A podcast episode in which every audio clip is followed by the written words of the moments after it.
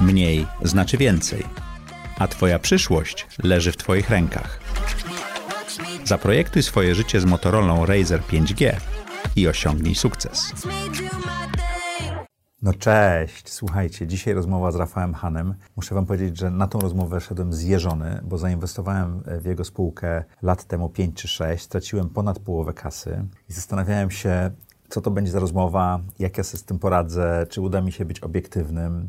No, muszę wam powiedzieć, że było to dla mnie duże wyzwanie. Co się okazało? Niesamowity człowiek pewien pozytywizmu, szalony przedsiębiorca, e, równie szalony jak jego fryzura, globetrotter, e, fan starych samochodów, ojciec czwórki dzieci, który łączy to wszystko e, i tworzy magiczny miks. Zapraszam Was na grubo ponad godzinę, myślę, że nawet po montażu to wyjdzie z półtorej godziny e, niesamowitego materiału, który jest o biznesie, ale też o przyjemności i radości życia. Zapraszam Was serdecznie.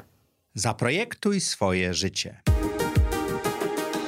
Zapraszam Was do mojej autorskiej audycji Zaprojektuj swoje życie. Przedstawiam osoby, które podjęły nietuzinkowe wyzwania życiowe i biznesowe. Rozmawiamy o tym, co nas napędza i dokąd zmierzamy. Historie opowiadane przez moich gości zainspirują Was do świadomego i odważnego projektowania swojego życia.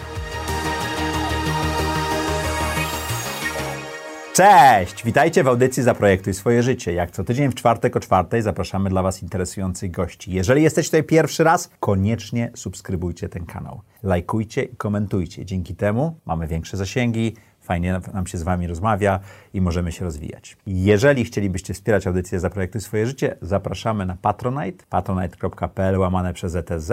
A dzisiejszym gościem jest Rafał Han, Cześć. współzałożyciel, prezes spółki już giełdowej Tak. Silver. Ale to tylko część ciebie, prawda? Ta historia jest taka dość długa i rozbudowana. E, jakby definiuję siebie w różnych rolach. A roli, definiujesz siebie? Tak, definiuję siebie absolutnie. e, Okej. W różnych rolach. Definiuję siebie w, w roli głowy rodziny, czy członka rodziny, e, bo z tą głową to jest różnie.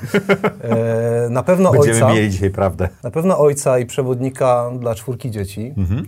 Na pewno przyjaciela dla wielu ludzi. Tych ról jest wiele w naszym życiu. No mamy tyle twarzy, co, co właśnie ról i, i rzeczy, którymi się zajmujemy. A Rafale, tam przygotowując się, zauważyłem, że tam zahaczyłeś o Michigan i tego typu rzeczy. To jak wyglądało projektowanie twojego życia? Skąd się znalazłeś nad wielkimi jeziorami? Z tym projektowaniem to jest tak, że ja jestem otwarty na nowe. Ja chyba jestem bardzo mocno otwarty. Okej. E, I nie boję się, a właściwie nawet wyczekuję nowych rzeczy, które nadchodzą, które oczywiście są spójne z moimi wartościami. W 92 roku, dawno temu, pojawiła się okazja, pojawiła się taka nowość w Polsce, gdzie można było skorzystać z takiego progra- programu wymiany. I ta, ta program wymiany był taki chyba jednostronny, bo poznałem kilku ludzi, którzy z różnych części świata przyjeżdżało do Stanów Zjednoczonych, natomiast chyba nie słyszałem o nikim, kto ze Stanów Zjednoczonych wyjeżdżałby na przykład do Polski. tak. Więc jakby ta wymiana chyba była jednostronna, natomiast to było, było duża szansa na poznanie nowej kultury, na poznanie nowej, na poznanie języka yy, i ja, ja bardzo chętnie w to, w to podążyłem za tą okazją, za tą szansą. Odbywały się w Warszawie yy, egzaminy sprawdzające z języka. Ja wiedziałem, że z tego języka dużo mi brakuje, natomiast słuchałem, muzy- słuchałem dużo muzyki, yy, czytałem teksty tej muzyki, jakby o, osłuchany byłem z językiem. Trochę gorzej było z gramatyką. Na szczęście ten egzamin był głównie słuchowy i udało mi się, yy, udało mi się yy, zdać ten egzamin i zostać zaakceptowany do takiego programu, właśnie tej wymiany, taki exchange student program. A, i, I później następnie, oczywiście nie wiesz, gdzie jedziesz, tak? Y, Jakby twoje zdjęcie, Trochę twoje bio... trochę loteria trochę loteria, tak. Twoje bio jest wysyłane do iluś rodzin, które po drugiej stronie jakby chciałoby przyjąć takiego studenta na, y, do swojego domu. Pojawiła się rodzina bardzo szybko, ku zaskoczeniu wszystkich, pojawiła się rodzina, która powiedziała tak, chcielibyśmy takiego mm, człowieka y, z, Polski. bardzo dziwnego, odległego kraju y, u siebie, bardzo ciekawa rodzina, przyjaźnimy się do dzisiaj. I tak znalazłem się w Michigan, tak? I szczerze powiem Ci, że zdałem sobie sprawę, wcześniej mówiłem o tym, że jestem otwarty, że jestem na, na te nowe, ale zdałem sobie sprawę, szczerze, dopiero jak wsiadłem do samolotu. Wsiadłem do samolotu, zapiąłem pasy i mówię, wow, Przestraszyłeś się? 14-16 miesięcy ja tam nie wrócę do, do tego kraju, do rodziców. Tak, no, pamiętajmy, to było, to było liceum. I to, to, 92 rok. 92 rok. I, i, I pamiętajmy, że to, że to były trochę inne czasy. Tak? To były takie czasy, że jeszcze pisał list. Tak? To były takie czasy, że minuta rozmowy z Polską kosztowała 33 zł. Znaczy, w sensie przejdziemy na, na, na, na, polską. Także czy 9 ze- czy dolarów ze czy 8 Stanami. dolarów, pamiętam, tak. Więc to nie jest tak, że się chwatało za telefon, się, się dzwoniło, czy pisało się A, a maile, jak czy jeszcze była się mała miejscowość, to trzeba było tą rozmowę w Stanach zamawiać, nie? Dokładnie tak, dokładnie. Więc jakby to, to był pewien, y, to, to było pewne wyzwanie, ale to wyzwanie mnie bardzo dużo nauczyło, bardzo dużo. Czego cię to nauczyło? Przede wszystkim nauczyło mnie otwartości na nowych ludzi i na nową kulturę. Chyba to jest jedno z takich, y, z takich wiodących, y, powiedziałbym, y, rzeczy, które, które doświadczyłem. Tak? Jakby to umocniło te cechy, bo te cechy pewnie u mnie były, tylko to jakby to umocniło, że jestem otwarty na wchodzenie w nowe środowiska, jestem otwarty na budowanie nowych relacji, jestem otwarty na to, żeby poznawać ludzi, tak odległą kulturę, tak odległą, pamiętajmy, to jest mała miejscowość, mhm. środek Michigan, w większości farmerzy wokoło, zupełnie inna muzyka, tak? I, tak, i tak wszystko inne dokładnie. Mhm. Same pick-upy. E, tak, same pick-upy i tak dalej. I, I to było to nowe, tak? To było też to nowe, bo to było też usamodzielnienie się dość mocno, tak? No bo jednak wyjeżdżasz z Ile tego domu rodzinnego. 92, 74, 17 lat? Mhm. 18? Jakoś tak, 18. Ja też miałem bardzo dużo przyjaciół.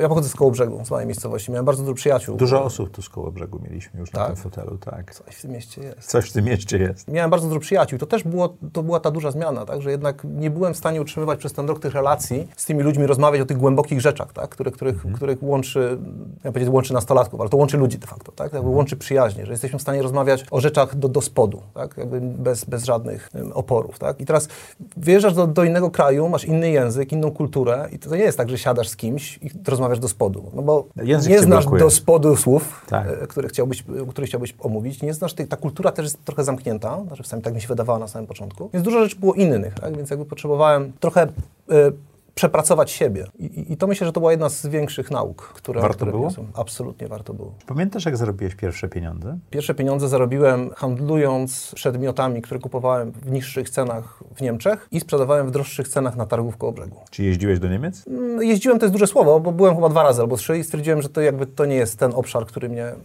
y, y fascynuje. Natomiast to chyba były pierwsze pieniądze, które zarobiłem, takie istotne pieniądze, tak? W mhm. sensie y, pamiętajmy, że to był też ten czas, gdzie nie byłeś w stanie, znaczy zarabiałeś te pieniądze, ale de facto nie do końca mogłeś je konsumować, tak? Znaczy, w sensie no, mogłeś, ale w bardzo ograniczonym zakresie. Jak zacząłem zarabiać trochę większe pieniądze, czyli pojechałem do Holandii na dwa miesiące i za zarobione pieniądze kupiliśmy samochód, to było jeszcze przed wyjazdem do Stanów. Za zarobione pieniądze... Czy miałeś swój samochód będąc nastolatkiem? Yy, nie do końca, bo ja ten samochód, tak, miałem swój samochód na spółę kupiony z kolegą, z przyjacielem, yy, który sprzedaliśmy w celach zarobkowych. Okay.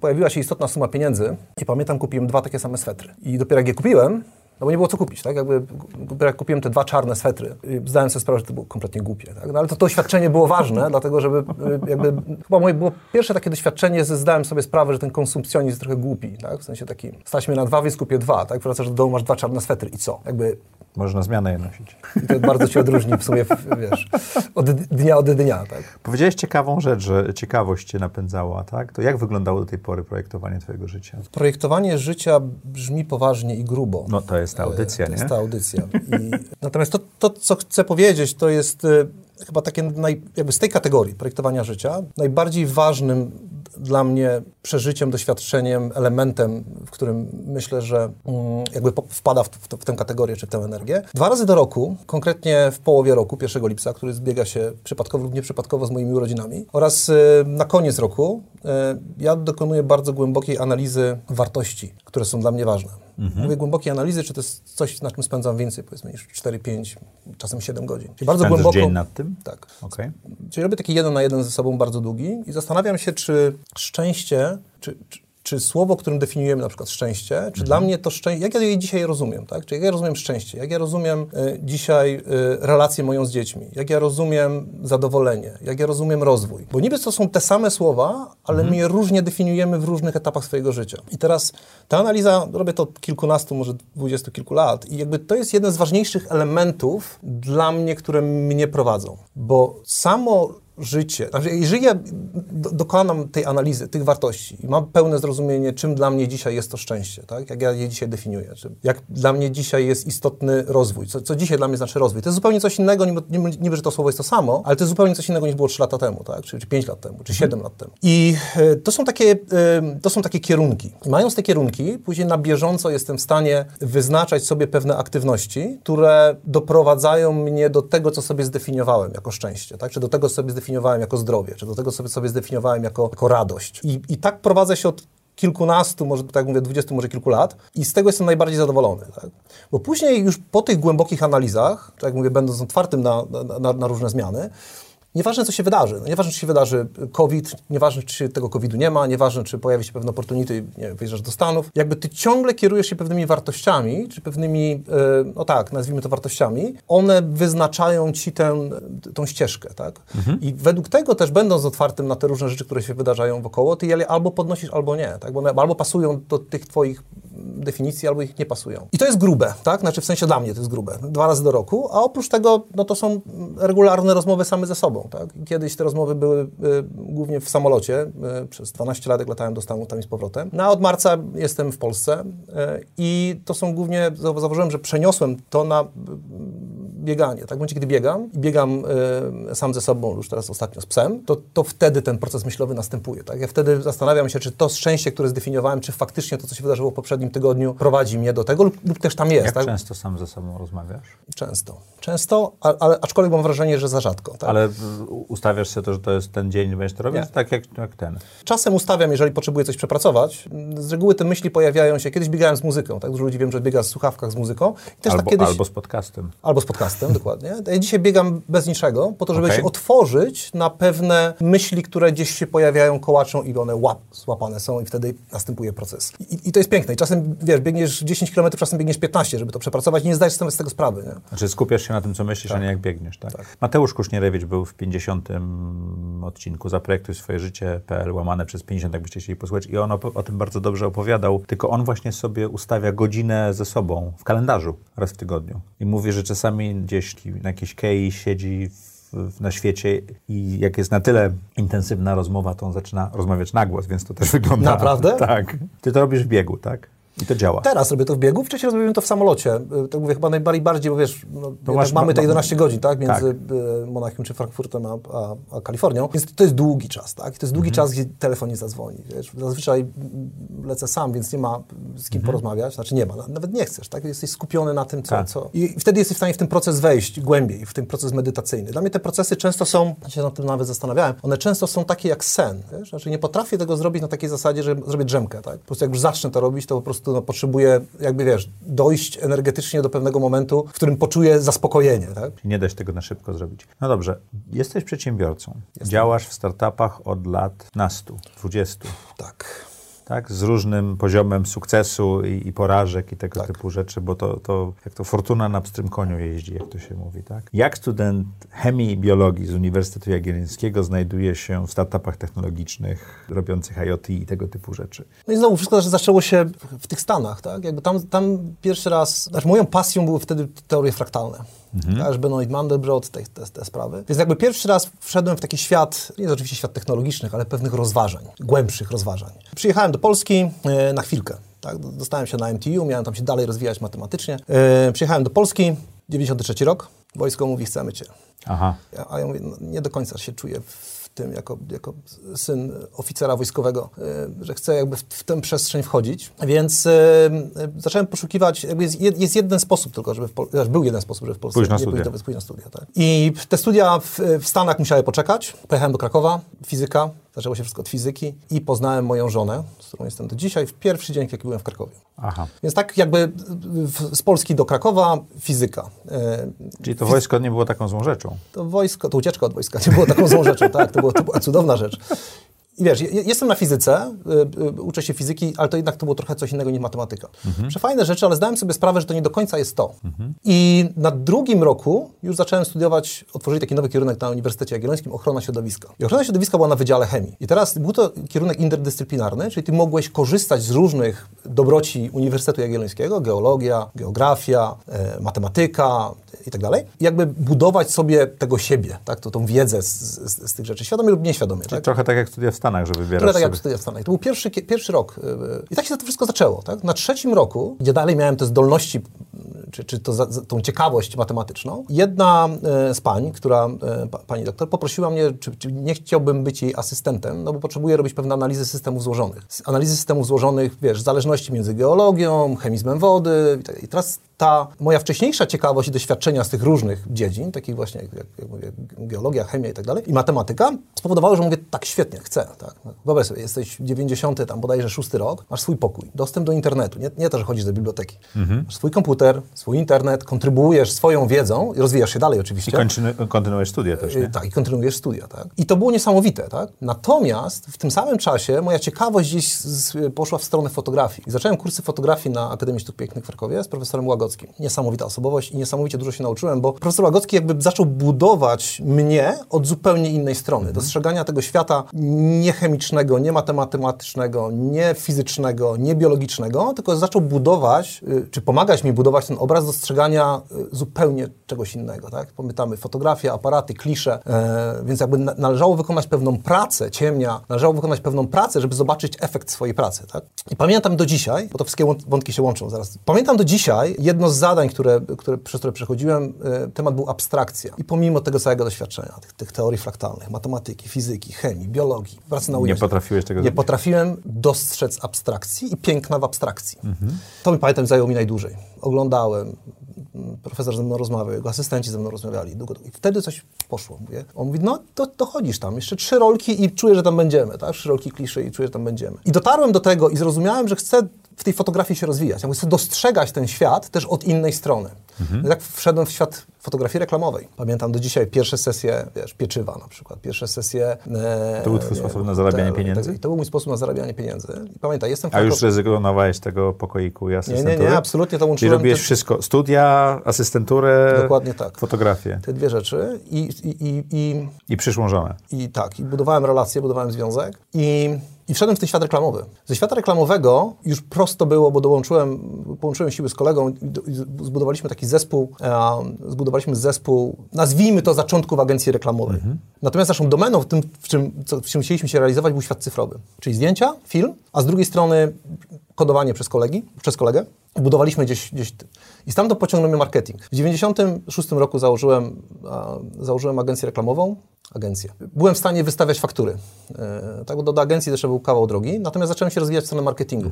I zarabiać kasę. I zarabiać pieniądze, tak, zarabiać pieniądze, natomiast wszystkie pieniądze reinwestowałem w siebie I sprzęt. i w sprzęt, tak. To było świetne. Na- Naprawdę to był bardzo e, wspaniale wspominam ten czas w moim życiu, bo jeszcze zahaczyłem się o e, fotografię ślubną, tak? I to było jeszcze cudowniejsze, dlatego że byłeś w stanie w sobotę pójść, dołączyć do jakichś rodzin, wspaniałych emocji, tak? Naprawdę wspaniałych emocji, udokumentować te emocje zdjęciami. Do tego wychodziłem z kilkoma słoikami jedzenia, które starczały do, do powiedzmy wtorku, Czyli pół tygodnia jedzenia było... pół tygodnia wody. Natomiast zrobiłem tych ślubów powiedzmy ze trzy, tak? I stwierdziłem, że to nie jest to, tak? To nie jest to coś, co daje mi szczęście. Ale, ale ty generalnie próbujesz rzeczy, Tak. żeby sprawdzić e, te czy będą ci pasowały, tak? Tak, czy to jest, czy, czy, czy to szczęście, czy ta radość, czy to, czy to poznanie siebie, czy to, wiesz, czy, czy, czy te aktywności mi to dają. E, Agencję reklamową prowadziłem od 96 roku do 2007 roku, pracując z różnymi klientami, rozwijając się z różnymi klientami i rozwijając siebie. Niesamowicie, naprawdę przecudny czas. I w 2007 roku jeden z klientów odmówił, czy odrzucił nasz pomysł, który ja uważałem, byłem absolutnie do niego przekonany i zadałem sobie pytanie, czy ja bym ten pomysł zrobił. I mówię, Pewnie, żebym zrobił. Tak powstała ciufcia. Miałem już wtedy dwójkę dzieci, ta relacja między ojcem a dzieckiem była ważna. Wiedziałem, że nie jestem typem osoby, która przeczyta taką książkę, żeby jak być lepszym ojcem albo jak lepszym rodzicem. Ja potrzebowałem czegoś prostszego, tak? Potrzebowałem jakiejś inspiracji, która I To na, najpierw powstało wewnątrz agencji, nie? to pod- najpierw powstała wewnątrz agencji, a, a, a później zrelisowaliśmy, jak się pięknie mówi, zrelisowaliśmy, upubliczniliśmy to i zobaczyliśmy, że mamy bardzo pozytywne e, opinie. Od rodziców, e, sami testowaliśmy to na własnych dzieciach. Mówię, no dobrze. Rozmawiałem z zespołem, zespół mówi, chcemy to zrobić. To było już trochę, to, nie chcę powiedzieć, czy zmęczenie, tak? ale to było takie coś nowego tak? po tych 11 latach. Chociaż te 11 lat, wiesz, jak pracujesz w agencji, y, y, czy, czy tworzysz agencję, to każdy projekt jest inny. Tak naprawdę niby robisz to samo, ale tak naprawdę to są różne rzeczy. No i tak powstał pierwszy projekt technologiczny. Tak? Y, Platforma dla rodziców do budowania relacji, więzi z dziećmi, rozmawiania o rzeczach ważnych poprzez gry.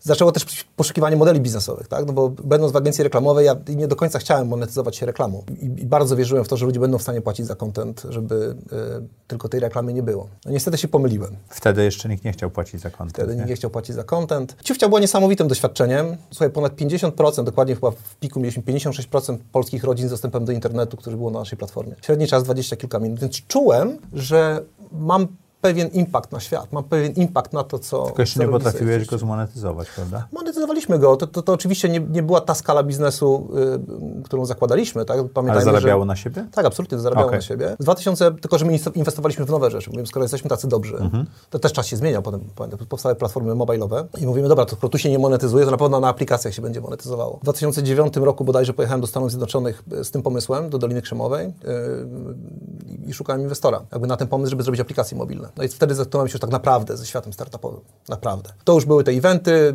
to już były, yy, poz- zacząłem poznawać ludzi. Yy, nie do końca wiedziałem, jak w jaki sposób w tej Dolinie Krzemowej to finansowanie następuje, więc jakby poznałem bardzo ciekawego człowieka, którego pomysł mnie bardzo przekonał i postanowiłem, że jakieś tam oszczędności zainwestuję w jego projekt. Czyli zobaczę od drugiej strony, jak to wszystko wygląda, znowu ta ciekawość yy, i ta otwartość. I wtedy zrozumiałem, jak ten proces wygląda od drugiej strony inwestora. Tak, jakie emocje ja mam, roz, rozmawiając z nim o jego projekcie, tak? Y, co jest dla mnie ważne. I jakby wtedy chyba najbardziej zrozumiałem, znaczy, albo na pewno zacząłem, to był, to była początek drogi takiej, że zacząłem roz, rozumieć, co, co kieruje inwestorami, różnymi, tak? a co jest dla mnie ważne. No i potem zainwestowałem jeszcze w 30 innych projektów, ale to był początek. Tak? Więc jakby to jest ta droga od tego studenta, o którym mówiliśmy, do człowieka, który znalazł się w świecie technologii. Jak te 30 innych projektów ci się em, biznesowo, inwestycyjnie sprawdziło? Różnie. Znaczy, A w, sumarycznie w portfelu Nie zarobiłeś liczyłem na tego to? nigdy, powiem szczerze. Natomiast Okej. powiem tak, na pewno y, one się sprawdziły.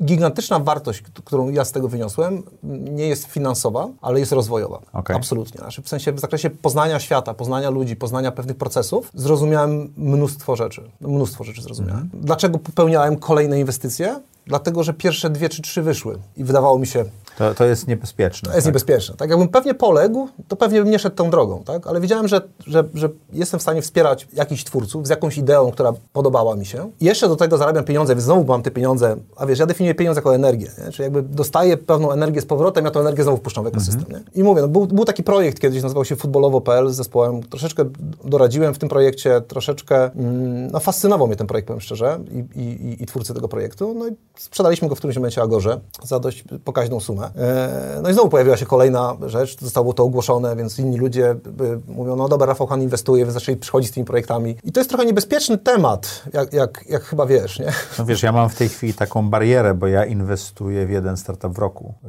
żeby siebie powstrzymać. I w tym roku już zainwestowałem w styczniu, tak? To Mhm. Okej. często zazwyczaj jest albo grudzień, bo czekam do ostatniej chwili, albo styczeń, bo, bo, bo jest ten. Mam reżim, ale to reżim jest y, olbrzymi, bo ja zainwestowałem po wyjściu z Samsungu, Samsunga 17 czy 18 startupów w ciągu 10 miesięcy, a jak wiesz, to nie dokonuje się wtedy dobrych wyborów. Nie dokonuje się Bo wszystko dobrych jest ekscytujące. Więc ja sobie ograniczam to i coś, co naprawdę jest zaje fajne i zwala mnie z nóg, słusznie lub nie, bo ja też nie trafiam. E, Jest tą jedną Czujcie do. Maćka w styczniu. Nie, to trzeba tak piczować we wrześniu, październiku, żeby się na ten styczeń styczniu załapać. do, dopinajcie deale. Tak, tak.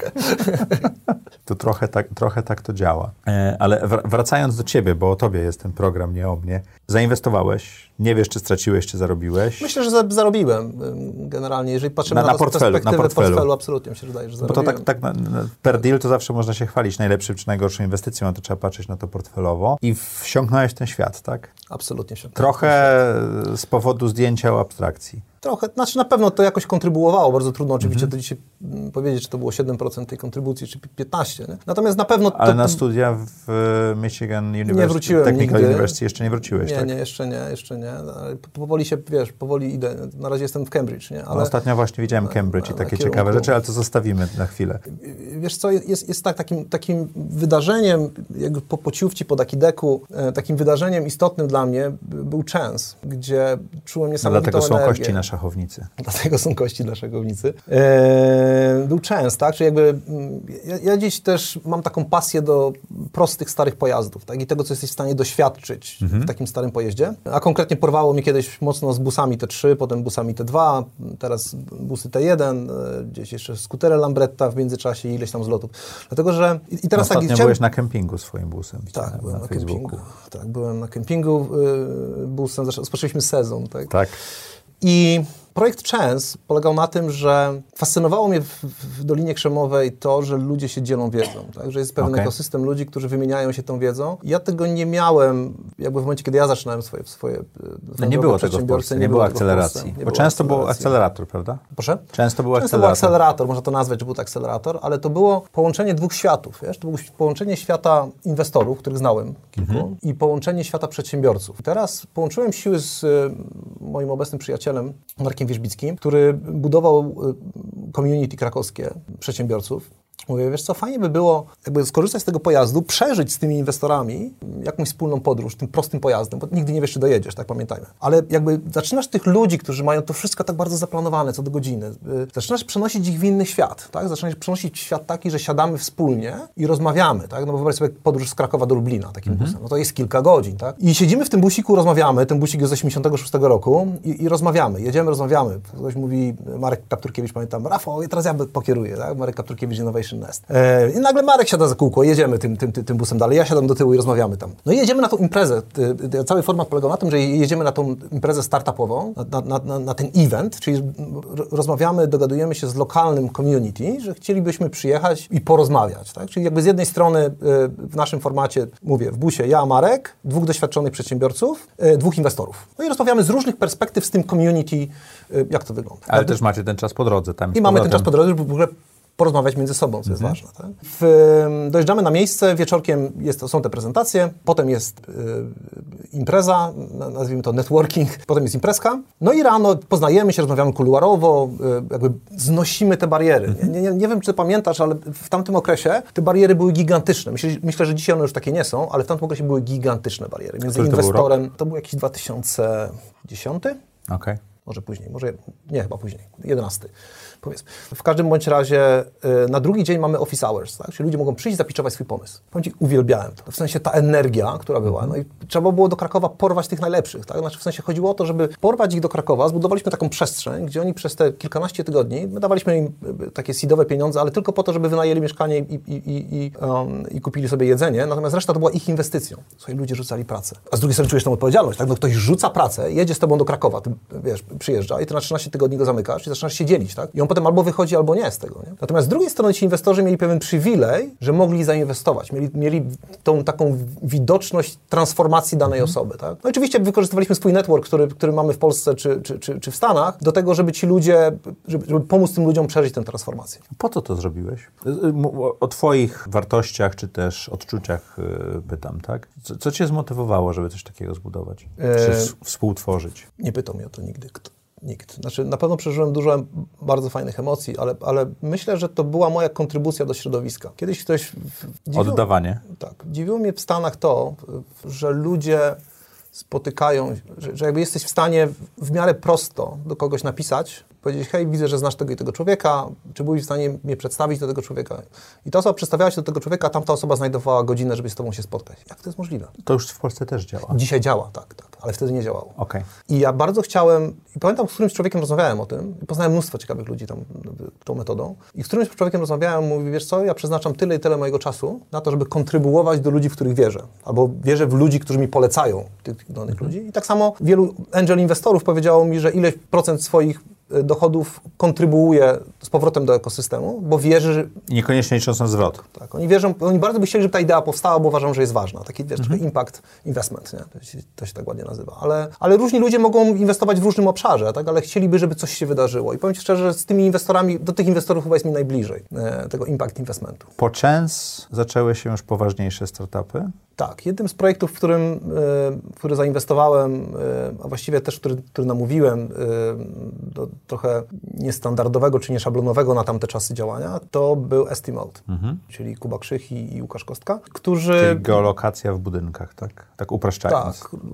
Generalnie wtedy te hasło to był beacon, tak? Tak. I szu- szukało, szukali, szu- szukali chłopaki, szukaliśmy razem wartości dla tego beaconu. Yy, mówię, słuchajcie, załóżmy ten, ten projekt w Stanach, jakby inkorporujmy tę spółkę w Stanach, ja na początku zainwestuję jakieś pieniądze w tę spółkę, pomogę wam znaleźć inwestorów, network i tak dalej, i tak dalej. No, chłopaki to zrobili, dostali się też do, w moim przekonaniu i wielu najlepszego akceleratora na świecie, do Y Combinator, do Paula, Gra- Paula Grahama. I bardzo byli sfokusowani, bardzo ciężko pracowali i doszliśmy do momentu takiego, gdzie pojechałem odwiedzić ich, mieszkali w Mountain View w takim malutkim domku drewnianym. Pojechałem na demo day i siedząc na tej sali z tymi największymi inwestorami tego świata, tak, no bo Y Combinator skupia tak. takich inwestorów, to jest, to jest taka stajnia, widząc, czułem taką olbrzymią dumę, że jakiś tam malutki wkład w ten talent, w ten rozwój mhm. y, Estimate mam. No i potem pojawiło się coś takiego, że, że wiesz, że jakby chłopaki potrzebowali wrócić do Polski i zbudować zespół, tak, a tam po prostu, żeby budować zespół, potrzeba pieniędzy. Więc y, rzuciłem wszystko, co robiłem i, i, i wskoczyłem do Estimate, y, wprost mówiąc, y, pomóc im z inwestorami, tak. Czy byłeś takim funding managerem, tak? Byłem takim, to się tak absolutnie nie nazywało, tak. natomiast miałem taką rolę, to była to jedna rzecz. A druga rzecz, która była,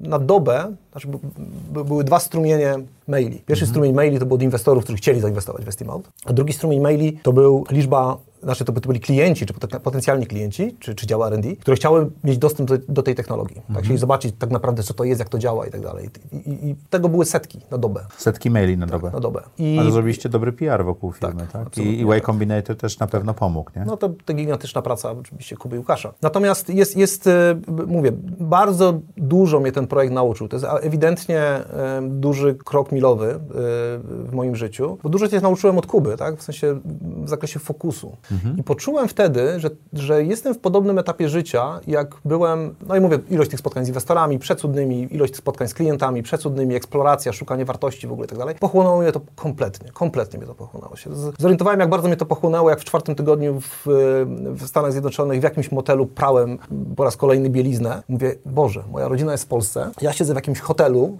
ale jest, jest ekscytacja 100, nie? W sensie, mhm. wiesz, czujesz. Ale, ale zdałem sobie sprawę na któryś właśnie z tych rzeczy, co mi daje radość, co mi daje szczęście, zdałem sobie sprawę, że super jest wspierać chłopaków. Jakby, to oczywiście było jakieś, jakieś taka wisienka na torcie po, po często, była taka wisienka na, na torcie po, po tych wszystkich aniołowych, malutkich inwestycjach, że, że tutaj wskoczyłem na pokład, tak? Miałem, miałem swoją własną wizytówkę, wiesz, jakby mhm. i dość mocno pracowałem, tak? Jakby czułem, absolutnie czułem, na sobie nosiłem koszulkę Estimate, nie? Natomiast poczułem, że to jest troszeczkę jak w agencji, nie? Wiesz, jakby, jakby realizujesz czyjąś czyjś pomysł, czyjąś, czyjąś wizję. Nie? Poczułem wtedy dużą chęć swojej własnej wizji.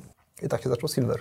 Czym jest Silver? Silver e, jest pewną wizją, na realizacją pewnej wizji, że wierzymy w to, że każdy budynek może być sustainable. Że każdy budynek na tym świecie, na tej planecie jest w stanie być energooszczędny, jest w stanie być bezpieczny, jest w stanie zapewniać komfort swoim użytkownikom. Mhm. Nieważne, czy był wybudowany w latach 40., 50., 70. To jest Silver. Realizujemy to poprzez oprogramowanie, przez software. Wierzymy, mhm. że software, że technologia jest w stanie wpłynąć na wiele rzeczy, na wiele aspektów naszego życia i łączymy te dwie rzeczy. To czym jest technologia Bluetooth Mesh? Technologia Bluetooth Mesh jest czymś absolutnie przełomowym, absolutnie fascynującym. To jest, żeby zrozumieć w pełni technologię Bluetooth Mesh, trzeba zrozumieć technologię Bluetootha, czy w ogóle mm. Bluetootha, którego każdy pewnie słyszał tę nazwę. No i używa. Pewnie większość nas używa. Jest to e, technologia, która budowana jest od ponad 20 lat teraz i jest w każdym telefonie. I na samym początku Bluetooth to było, pewnie większość z nas to zna, z tego, że jesteśmy w stanie połączyć jakieś słuchawki z jakimś telefonem. Tak? I czy jakiś samochód z jakimś telefonem. Jakiś samochód z jakimś telefonem i tak dalej. Natomiast to, co wielu z nas nie dostrzega w tym, że jesteśmy w stanie połączyć słuchawki bluetoothowe Apple'a, który jest systemem, jak wiemy, bardzo zamkniętym, z dowolnym telefonem androidowym. Mhm. Teraz jak to jest, że to się w ogóle wymsknęło Apple'owi e, spod kontroli, tak, tej jego? No, to jest właśnie ta interoperacyjność. Tak samo jak pójdziemy sobie dalej, mamy dowolny zegarek, dowolny zegarek producenta z dowolnym telefonem, czyli jakby budowana technologia, która pomaga budować świat na bazie globalnego pewnego standardu, który definiuje, już tak wchodząc w, w aspekty techniczne, do samej góry mhm. do warstwy aplikacyjnej, tak? Czyli definiuje nie tylko alfabet, y, ale definiuje też język i definiuje też słowa i się te urządzenia między sobą rozumieją. To jak ta siatka Bluetooth w tych budynkach sobie radzi? I teraz tak. Szukam dla widzów, którzy teraz, nie znają już, Jak już rozumiemy, czym jest Bluetooth, także jest w każdym telefonie, jest interoperacyjny, że pozwala dowolnemu producentowi budować urządzenie, dowolnemu urządzeniowi innego producenta ze sobą rozmawiać i wymieniać się informacjami, to bardzo szybciutko dojdziemy z tej koncepcji do koncepcji IoT, tak, internetu rzeczy. Mhm. I, I Bluetooth też to łączy, tak? I teraz internet rzeczy to, jest, to są pewne fizyczne urządzenia, które posiadają pewną unikalną technologię w sobie i ta technologia pozwala tym urządzeniom między sobą rozmawiać, wpływać na swój stan i jeszcze jest jakieś urządzenie, które może to łączyć do clouda, jesteśmy w stanie jakby widzieć jakby tę całą siatkę, mhm. tak? To teraz y, w roku 2015 mieliśmy technologię proprietary, czyli jakby nie interoperacyjną, w oparciu o radio bluetoothowe, które świetnie performowało w ogóle i było Bo w Bluetooth kiedyś łączyć. był jeden do jeden, nie łączył więcej. Bluetooth był jeden do jeden, potem był jeden do wielu, a teraz jest wielu do wielu. No bo jesteśmy I to jest ta zmiana, która właśnie spowodowała, że to jest mesh, czyli siatka, tak? Dokładnie. I teraz w 2015 roku rozpoczęły się prace, którym mój wspólnik, niesamowity inżynier, człowieka, który olbrzymie cenię, swoją pracą, był w stanie zebrać wokół swojej osoby grupę ludzi i wypracować dokumentację w obrębie tej organizacji Bluetooth Special Interest- Group, dokumentację, która opisywała, zajęło to dwa lata, opisywała naprawdę dużej pracy, stworzyć dokumentację, która dodefiniowała w warstwie teoretycznej, co to znaczy zbudowanie siatki dziesiątek tysięcy urządzeń od różnych producentów z jakąś technologią w środku, która pozwalałaby im się y, komunikować. Troszeczkę tak jak nody internetu, tylko na mniejszą skalę y, f- fizyczną, prawda? No a my w międzyczasie jako organizacja budowaliśmy produkt. Czyli jakby z jednej strony Szymon kontrybuował swoją wiedzę i to, co mieliśmy zdefiniowane w produkcie i budował to, przenosił do globalnego standardu, a z drugiej strony pewne rzeczy, ta, ta, ta zbiorowa mądrość, tak? No pamiętajmy, że mamy ludzi z Intela, mamy ludzi z y, no, potężnych organizacji, z Apple'a, z Google'a i tak dalej. Jakby z, drugiej strony zbieraliśmy tą wiedzę z powrotem i y, y, implementowaliśmy ją w produkcie, tak? Powstał standard globalny i zaraz po standardzie globalnym, po wypuszczeniu tego standardu, Silver przeszedł wszystkie testy tego produktu. I teraz to jest Bluetooth Mesh, tak? Jakby w kontekście jakby tej dużej y, Czyli wielu do wielu. wielu do wielu, ym, rozmawiamy ze sobą, znaczy te urządzenia ze sobą rozmawiają, potrafią wpływać na swój stan. Mo- przepraszam, żeby tak zobrazować, czyli możemy spowodować, że żarówki w budynku między sobą rozmawiają i mówią do czegoś centralnego i mówią, kiedy się włączyć i wyłączyć, albo kiedy się przepalą, bo Tak, i teraz z tej technologii, to jest w ogóle bardzo, bardzo ciekawy wątek po- poruszyłeś. Z tej technologii, jak to się w ogóle stało, że myśmy zainteresowali się światłem, tak? No, żarówka nie jest moją pasją, albo nie była moją pasją. Przy tym networku, o którym rozmawialiśmy wcześniej, no bo żarówek jest dużo w budynku, prawda? Proszę? Żarówek jest dużo w budynku, to o to chodzi. Tylko myśmy tego w ogóle nie dostrzegali. Aha. W ogóle na samym początku. To nie jest tak, że myśmy budowali technologię w roku 2014, inaczej, myśmy mieli technologię, pewną filozofię, ale nie wiedzieliśmy, gdzie jest wartość tej technologii. Oczywiście mieliśmy pewne podejrzenia, że tutaj, że tutaj, że tutaj eksplorowaliśmy, tak? Słuchaj, pierwszy pitch do inwestorów Silvera w Dolinie Krzemowej, myśmy mieli ze sobą dużą walizkę, gdzie mieliśmy i żarówki, ale też mieliśmy czajnik. Nasza prezentacja zaczynała się od tego, że szliśmy do toalety, nabieraliśmy, na- nabieraliśmy wody do tego czajnika, stawialiśmy ten czajnik na stole i potrafiliśmy z telefonu zagrzać wodę do twojej ulubionej temperatury. Pijesz yerbę, więc suwakiem przesuwasz, jest. Wartość wątpliwa. No, na jednych takich Ale spotkań, widoczna. Ale widoczna, tak? Można, można tego doświadczyć. Na jednych z takich spotkań w roku, na, na samiutkim początku, w roku 2014, patrz, może 15, na samiutkim początku, no myślę, że to był rok, 2000, myślę, że to był rok 2014, mieliśmy spotkanie e, z takim człowiekiem, niesamowitym człowiekiem, który nazywa się Vinod Kosla. Założyciel Sun Microsystem, jeden z wiodących inwestorów, najbardziej, jeden z najbardziej wpływowych inwestorów Doliny Krzemowej, Kosla Venture, świetne inwestycje. No jestem na spotkaniu z, z Winodem, Winod patrzy na te żarówki, takie, myślę, takie żarówki do domu. Mogłeś zmienić kolor, e, mogłeś ją zapalić, zgasić w ogóle i tak dalej. Mogliśmy zrobić wiele tych żarówek i tak dalej. I on patrzy na to i mówi, hmm, wiesz co, musisz e, poznać, musisz kogoś poznać. Dostałem tego samego dnia intro, jednolinijkowe. Shuji, please meet Rafał. Kim jest Shuji? No, okazało się, że jest taka firma, w Dolinie Krzemowej nazywa się Sora.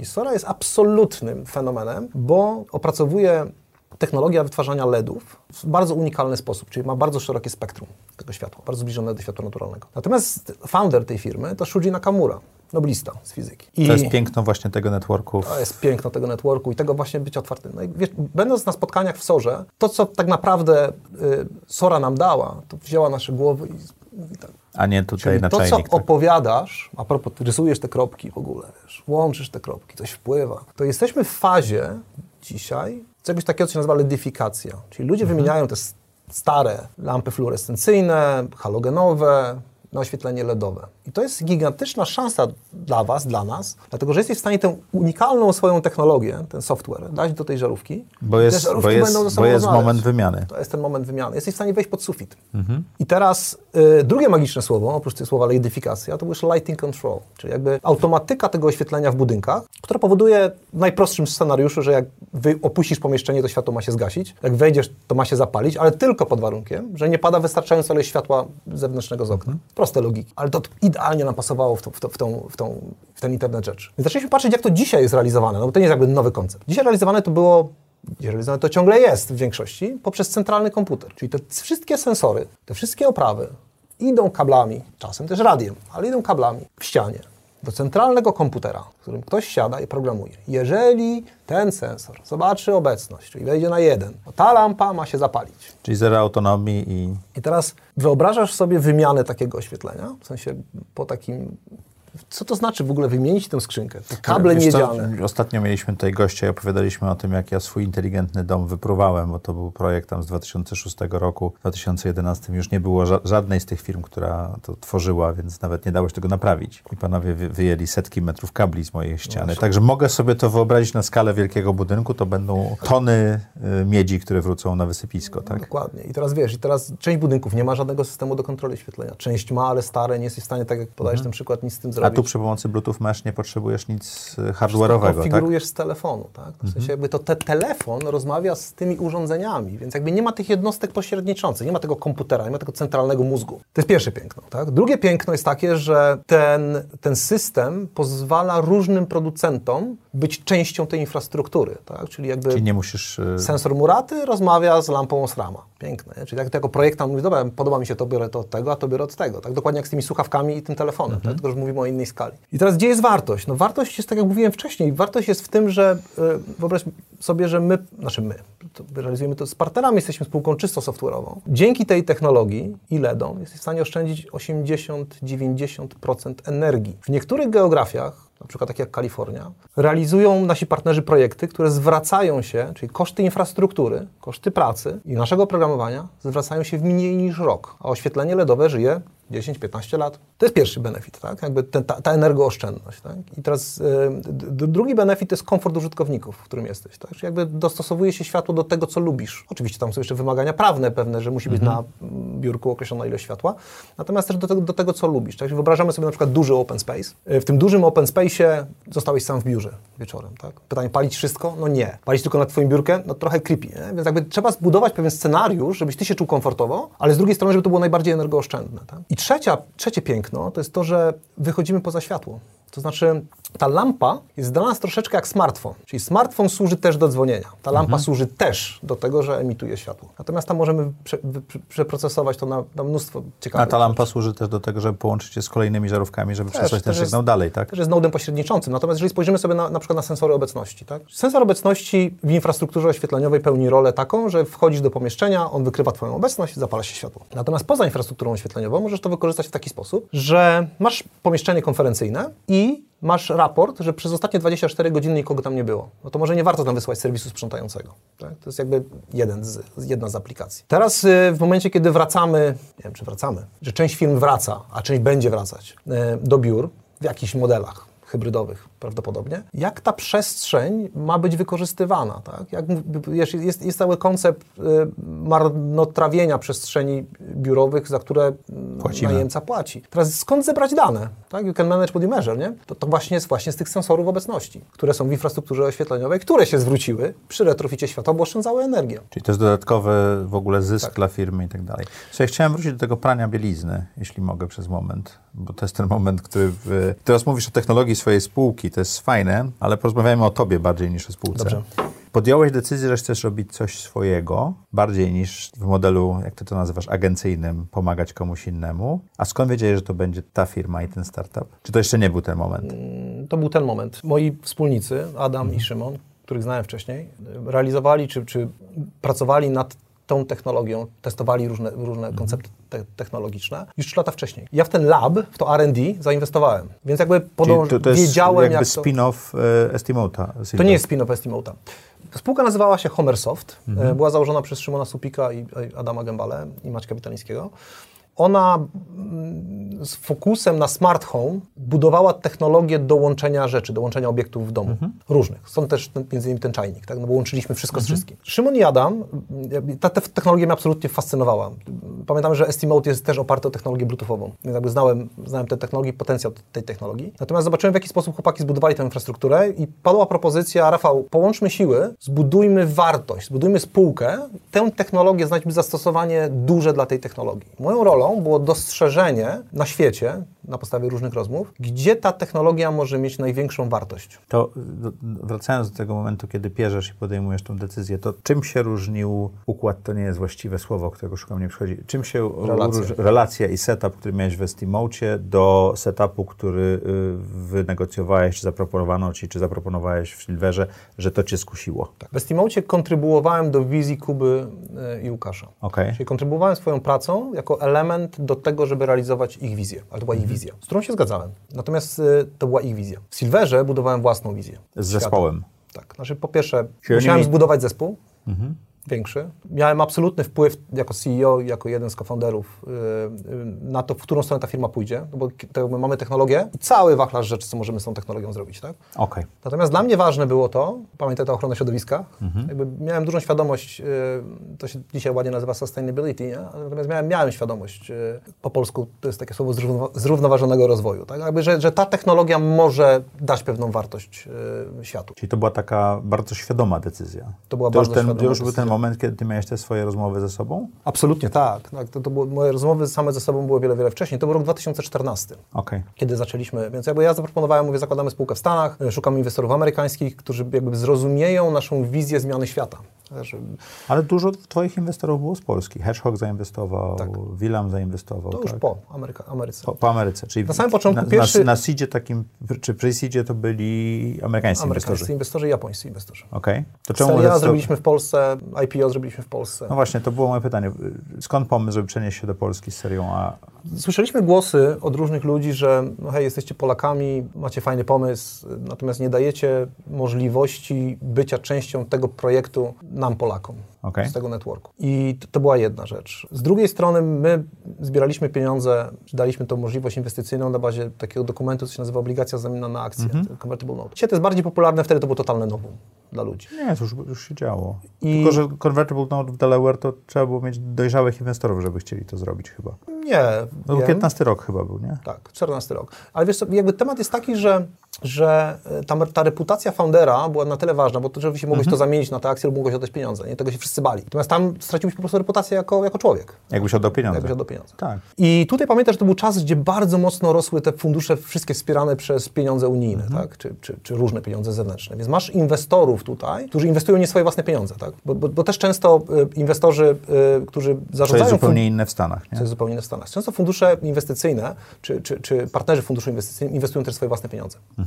Czy, czy general partnerzy. Natomiast tutaj było mnóstwo funduszy, którzy, które inwestowało nie swoje pieniądze. I inwestowało te pieniądze według określonych zasad i my w te zasady się nie, nie byliśmy w stanie wpasować. Tak? No, nie, nie, byliśmy w stanie dać equity, tak, i tak dalej, tak dalej. I tak dalej, i tak dalej. Natomiast jakby to był taki element, słuchaj, y, też innowacji. Tak? Ja mówię, no, mhm. jakby podjęliśmy taką decyzję, że chcemy dać takie opportunity i wytłumaczyć, co my robimy. Mimo, że my w Polsce nie mamy rynku w ogóle. I nie mieliśmy wtedy. Wytłumaczyć inwestorom, na czym ten mechanizm polega, na czym w ogóle ta technologia polega, na czym ta zmiana świata, wiesz, to jest trudne słowo. Znaczy w sensie, wiesz, to nie jest słowo takie catchy tutaj jak tam, nie? W sensie, mhm. tam, może, może to jest kwestia tego networku, że, że byliśmy w stanie rozmawiać i mieliśmy to szczęście rozmawiać z inwestorami, dla których ta zmiana świata w tym obszarze była ważna, bardziej niż tutaj, tak? Tutaj w momencie, kiedy, y, nie chcę generalizować to wszyscy, tak? Ale dużo inwestorów w, w Polsce podążało swoimi wytycznymi inwestycyjnymi i obostrzeniami regulacyjnymi, bo część pieniędzy była z jednego źródła, drugiego czy trzeciego publicznego. Mhm. To było trudniejsze, tak? To było wiele trudniejsze mhm. tutaj. Forbes napisał, że buntownik wart 200 milionów, okładka i tak dalej. Weszliście na giełdę, zebraliście 20 milionów złotych z 45, które chcieliście zebrać. Czy Forbes się mylił? I czy wejście na giełdę było Polską było słuszną decyzją? Yy, na, tak, na tak, wczesnym etapie działania mhm. spółki. Dzisiaj nie podjąłem takiej decyzji i wielu ludzi nam mówiło, że robimy to za wcześnie. Natomiast w momencie, kiedy zrobiliśmy inwestycje, znaczy inaczej, w momencie, kiedy skorzystaliśmy, bo były trzy term sheety na stole, z propozycji y, Trigona, mhm. y, jednym z elementów było rozważenie y, IPO w Polsce. Mhm. Rozmawialiśmy z, z, z różnymi ludźmi, doradcami. Dla mnie to był totalnie obcy koncept. Tak? Natomiast jakby te osoby przekonały mnie, że istnieje dużo wartości bycia spółką publiczną. I przekonały mnie i przekonały moich wspólników i podjęliśmy taką decyzję. Dzisiaj bym takiej decyzji nie podjął, bo... Mm, jest też dużo ograniczeń bycia tak, spółką jest dużo publiczną. ograniczeń. Szczególnie spółką, która nie ma y, zysku, tak. prawda? Jest duży overhead. Tak naprawdę też jakby ilości rzeczy, które musimy jako spółka y, y, wykonywać, które nie byłoby tego, jeżeli byli mhm. inwestorzy prywatni. Nigdy nie miałem ambicji, powiem szczerze, bycia prezesem spółki giełdowej, nie miałem to w swoich celach. Jest to totalnie ambiwalentne dla mnie od tej strony, natomiast czuję odpowiedzialność, tak dużą mhm. odpowiedzialność za pieniądze inwestorów, ale to są tak samo jak pieniądze, pieniądze inwestorów y, y, spółki publicznej, analogicznie jak inwestorów aniołów biznesu, którzy dają te pieniądze. Natomiast tu mam mniejsze możliwości rozmowy z tymi ludźmi. Odnosząc się do Twojego pytania na temat Forbesa, mówisz buntownik warty 200 milionów. Taka była, jeżeli była, dobrze pamiętam, tagline, taka była tak, okładka, tak? Tagline. Absolutnie y, myślę, że jestem warto wiele więcej, to jest, to jest pierwsza rzecz. Y, po drugie, buntownik, bardziej bym szedł w stronę innowacji, tak? Znaczy, y, to, to, nie był mój pomysł, żeby była jasność, no to, ten, ten, ten, tytuł. Natomiast tak jak mówię... Clickbait musi być, tak? tak. Natomiast, tak jak mówię, ja, ja, bardziej siebie definiuję jako osobę, która rozważa różne możliwości, mhm. czyli bardziej jestem w, w obszarze innowacji. Nie buntowałem się nigdy dla samego buntowania. Buntowałem się wiele razy, ale zawsze, bo wierzyłem w coś innego tak? i przekonywałem ludzi do czegoś innego. Na początku roku 2020 byłeś w San Francisco, kompletowałeś rundę inwestycyjną, miałeś 20 inwestorów, którzy mieli zainwestować w spółkę. Przyszła pandemia, wszystko się zatrzymało. Ja też e, w paru miejscach mogłem zainwestować świetnie, bo się wyceny zrobiły, a w paru miejscach nie udało mi się zebrać pieniędzy, więc też był to niesamowity moment. Musiałeś zwolnić połowę załogi firmy, prawie połowę, tak? I zrobić bardzo dużą restrukturyzację, no bo firma jest ciągle firmą, która generuje technologię, ale jeszcze nie generuje przychodu. Jak sobie z tym poradziłeś? Było to jedno z najbardziej traumatycznych przeżyć w moim życiu. W sensie, z jednej strony, podobnie jak chcesz, żeby inwestorzy podążali za Twoją wizją zmiany świata, żeby inwestowali jakby w ten rozwój. Tak samo zespół, tak? Zespół przekonujesz do tego, że to, co robią, ma znaczenie. I nagle z dnia na dzień tym samym ludziom, których tak przekonywałeś do tego, że chciałbyś mm, absolutnie, żeby z Tobą to, to budowali, musisz im powiedzieć, nie, nie, damy rady, tak? Znaczy w sensie nie damy rady tym składem yy, i w tych kosztach, tak? Czyli musisz się z nim pożegnać. I to było bardzo, bardzo trudne, Aczkolwiek to jest trochę tak jak z okrętem w czasie burzy, tak? I masz, masz pewną świadomość, że z wyliczeń wychodzi, że połowa załogi musi odejść po to, żeby druga połowa przetrwała i cały okręt, żeby przetrwała i cała idea. Może nie najbardziej trafiona e, analogia, ale... Statek kosmiczny z tlenem by ale, analogiczny, ale analogiczna trauma, tak? Mhm. E, ta duża niepewność, która była wokoło, tak? No, bo dzisiaj jakby inaczej definiujemy albo rozumiemy to, to, co się działo wtedy, a wtedy rozumieliśmy to inaczej, tak? Natomiast dzisiaj musiałbym podjąć taką samą decyzję, jak podjąłem wtedy, podjąłbym tą samą. Może trochę w inny sposób bym to zrobił, tak? W niektórym, w niektórym obszarze. Dzisiaj cieszę się to, że ludzie, niektórzy z tych ludzi wracają, to, to absolutnie mhm. cieszy. Dzisiaj cieszy mnie to, że ci, co zostali, którym pamiętajmy, za, za którym do dzisiaj jestem wdzięczny i dziękuję za to, pracowali za połowę wynagrodzenia. Czyli tak naprawdę obciąłeś koszty o 3 czwarte, tak? Dokładnie. Mhm.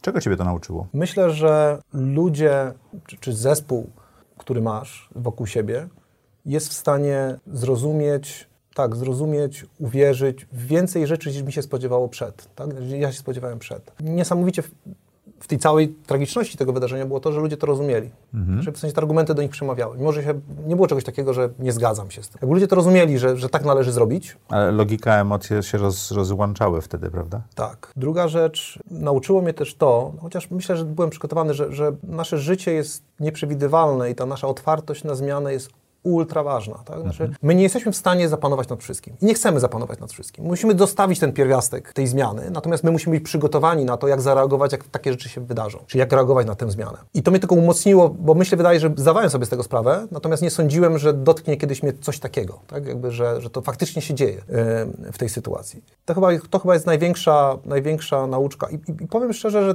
sama teraz kwestia, nazwijmy to odmrażania, tak? jest też pewnym wyzwaniem, tak? no bo dzisiaj wydaje się, zależy gdzie ucho się przyłoży, tak? Ale jak, jak spojrzysz sobie, to niby z jednej strony ciągle mamy, jest pandemia, ciągle jest COVID-19, jest lockdown, ale z drugiej strony jakby go nie było. Nie? W sensie zależy, gdzie przyłożysz ucho. Mhm. I z jednej strony jakby chcesz zapewnić komfort tych ludzi, tak? No bo no nie możesz ci powiedzieć, znaczy ja, znaczy ja, ja, uważam, że nie mogę dzisiaj powiedzieć, wracamy do biura, tak? Jakby pracujemy dalej z biura, mimo że, że, że, że cenię. A z drugiej strony jakiś plan na to trzeba mieć, tak? Jakimi parametrami się kierować? Kierować się tym, że wszyscy są zaszczepieni? Czy kierować się tym, że, nie wiem, otworzą szkoły? Czy, czym się kierować? To są takie nowe wyzwania, które po, po, po mhm. powstają, nad którymi właśnie rozmawiamy. Jak tak naprawdę po tych zmianach, po tym traumatycznym przeżyciu mamy wrócić do normalności? Jakby jak ten proces powrotu, pytanie czym jest normalność oczywiście, oczywiście, powrotu do tego innego zjawiska, e, jak poprowadzić ludzi też przez to e, wszystko. Czego nauczyła Cię pandemia? Ciebie osobiście? Nauczyła mnie dostrzegać inne rzeczy, tak? Znaczy pandemia, czy lockdown, czy, czy ten rok w domu nauczył mnie tego, że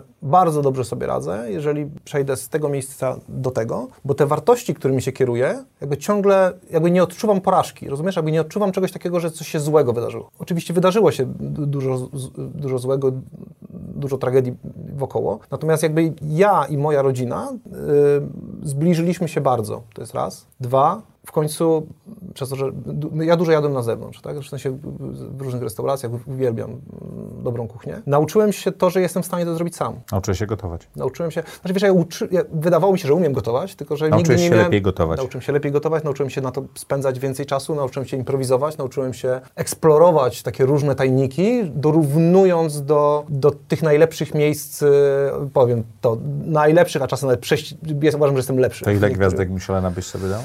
Wiesz co, nie wiem, natomiast jakby te, ten uśmiech y, przyjaciół i rodziny, gdzie, gdzie celebrujemy jakby te, te różne posiłki, y, no jest bezcenny, tak, jakby wiesz, to, to jest jakby najważniejsze. Y, więc to na pewno. Dwa, to jest, to jest sport i to, że jestem w stanie to robić regularnie i A jak podróżowałeś, to nie było takie łatwe, było to tak? bardzo nieregularne. Dzisiaj to jest bardzo regularne i, i bardzo mnie to cieszy. To jest ewidentnie. Trzy to jest to są więzi z przyjaciółmi, z rodziną. Zaraz, wytłumaczę. Jesteśmy w momencie, w którym zas- zastanawiamy się, albo, albo był, był, przez tym roku zastanawialiśmy się wiele razy, czy ja mam się z tą osobą spotkać, czy mam się nie spotkać. Nagle zaczynasz coś ryzykować u siebie i u tej osoby. Zaczynasz zastanawiać się, gdzie te relacje, gdzie te więzi są tak naprawdę, jak ludzie są odpowiedzialni. Tak? I pewne rzeczy jesteś w stanie zbudować, Czyli nie jak bliska jest relacja, tylko jaki jest łańcuch odpowiedzialności drugiej osoby, Jaki tak? jest łańcuch odpowiedzialności, jakie więzi cię łączą i Mhm. tak dalej. Wiesz, no, to na przykład, że nie widzieliśmy się z rodzicami no, no blisko rok, teraz byliśmy na święta, bo, bo rodzice zaszczepili się, to była duża próba. Tak, jakby w sensie takim, no świadomie wiesz, że nie jesteś w stanie tam pojechać, tak, i musisz jakby y, Podjąć decyzję. nie? podjąć tę decyzję. Więc dużo takich rzeczy, których, których wcześniej jakby w ogóle się nie zastanawialiśmy, tak? Jakby jak to wygląda. Ja 12 lat latałem do Stanów, tam i z powrotem, tak? I, i nagle y, podróż do Warszawy jest pewnym, wiesz, z Krakowa do Warszawy jest pewnym wydarzeniem. Tak, Dla adrenalinka skacze, tak? Wiesz, dla mnie lotniska, to, to jest, że powiem Ci ciekawe, że jakby szukasz tych emocji gdzieś indziej, nie? w sensie, które były, bo dla mnie lotniska są miejscem, które jest bardzo mocno nafaszerowane emocjami. Nie wiem, czy kiedyś zdawałeś sobie z tego sprawę, czy nie. Tak. Ja, ja ci powiem, że ja dostałem... na- pożegnania I przywitania. i przywitania. I to jest niesamowite, wiesz, jak ja wychodziłem... Love Actually przecież ma ten całe, całe, kończy się tak ten film, tak? Także jest. Ja, ja, ja, ja, dla mnie lotniska kiedyś były bardzo ważne, ale pamiętam jak dostałem niebieską kartę z Miles and More, czyli spadłem te 3 czy 4 poziomy w dół. To było najlepszy downgrade w moim życiu. Jak 5 lat temu przestałem latać, czy 6 lat temu przestałem latać. Bardzo szybko te programy lojalnościowe o tobie zapominają i to było takie fajne. Jeszcze nie wiem, ale e, myślę, że na razie wszystko jest on hold, ale myślę, wiesz, tych emocji, bo dla mnie te emocje były ważne, tak, jakby mm, dostrzeganie tego. Naprawdę czasem potrafiłem siedzieć i gapić na ludzi, którzy po prostu się witają, nie? Czasem potrafiłem, widząc jak e, rodzina się wita, popłakać się, sam, wiesz, widząc te emocje, one tak do mnie docierały. I to były silne bodźce, tak, za, za, za którymi, powiem szczerze, tęsknię, tak, jakby, e, ale jestem w stanie te bodźce mm, znaleźć gdzieś indziej, nie? Kwestia jest też taka z, z, tą, całą- z tą całą pandemią, że mm, myślę, że wielu ludzi odkryło, zostało zmuszonych, żeby odkryć pewne rzeczy u siebie na nowo. Tak? I teraz, mm, jeżeli jesteś otwarty na zmianę i jeżeli kierujesz się pewnymi wartościami i rozumiesz te wartości, którymi się kierujesz, to mi się wydaje, że ci ludzie sobie poradzili lepiej. Reszta może ciągle szukać tego czegoś. Tak? Abstrahując od dzieci, które mają po prostu teraz y, źle. Trudniej. Szukam, szukam, Trudniej, y, tak, szukam delikatnego nie, słowa. Nie wulgaryzmu, wiem, wiem. Szukam delikatnego słowa. Jak jest... wygląda twój typowy dzień? Wstaję rano, pierwszy, i przygotowuję śniadanie dla wszystkich. Mhm. I O której stajesz? Szósta, w pół do szóstej y, różnie. Z budzikiem, Szósta tak razy? 15 jest różnie też. Y, Czasem budzę się sam, czasem, mm, czasem ten budzik mi pomaga, Mhm. zegarek mi pomaga. Zaczynam rytuał kawy, czy też na początku wody z apple ciderem, potem kawy i przygotowuję śniadanie. I przygotowuję śniadanie dla wszystkich i to jest jeden z piękniejszych momentów, znaczy w sensie w ogóle nie dostrzegałem tego podczas podróży tak bardzo, mimo że jak byłem w Polsce to to robiłem. Natomiast tutaj ta regularność jest, jest piękna. Wczoraj miałem taką dyskusję z moim najstarszym synem, który ma 16 lat, yy, yy, który coś tam mm, Józek mówi do mnie, odbieram ci córkę. Ale mówię, ale przecież lubisz ją odbierać, bo córka najmłodsza jest w, mniejszych klasach, znaczy w sensie ma 5 lat teraz, więc jakby chodzi. Lubisz to robić, tak? I ja mówię, coś dyskutujemy, dyskutujemy ja mówię, ale przecież, no zobacz, ty nie robisz sobie śniadania, nie? I ja mówię, ale ty to lubisz. I ja sobie zdałem sprawę, tak, ja to po prostu lubię. Ja to robię nie dla nich, tylko ja to robię dla siebie, wiesz? Jakby ja, Znaczy ja, robisz to dla nich, ale przyjemność jest siebie, po, tak, po twojej to, jest, stronie. to jest moje, tak? Jakby w, w, w, w kontekście tego. Tak, tak się zaczyna mój dzień. E, później odprowadzam córkę e, do szkoły. Ona jest w brytyjskim systemie edukacji, więc jakby to jest szkoła, to jest w wieku przedszkolnym jest, tak? Więc jakby od- odprowadzam ją- ją do szkoły, rozmawiamy w samochodzie, e, no i później siadam i zastanawiam się, e, czy też jadąc nawet, e, jakie tematy dzisiaj mam do... Czyli tematy na dzisiaj układasz dzisiaj, nie wczoraj.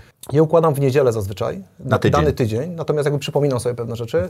Ten kalendarz wygląda tak, Mhm. Ale że... masz go w głowie, masz go w telefonie, masz... Absolutnie kalendarz.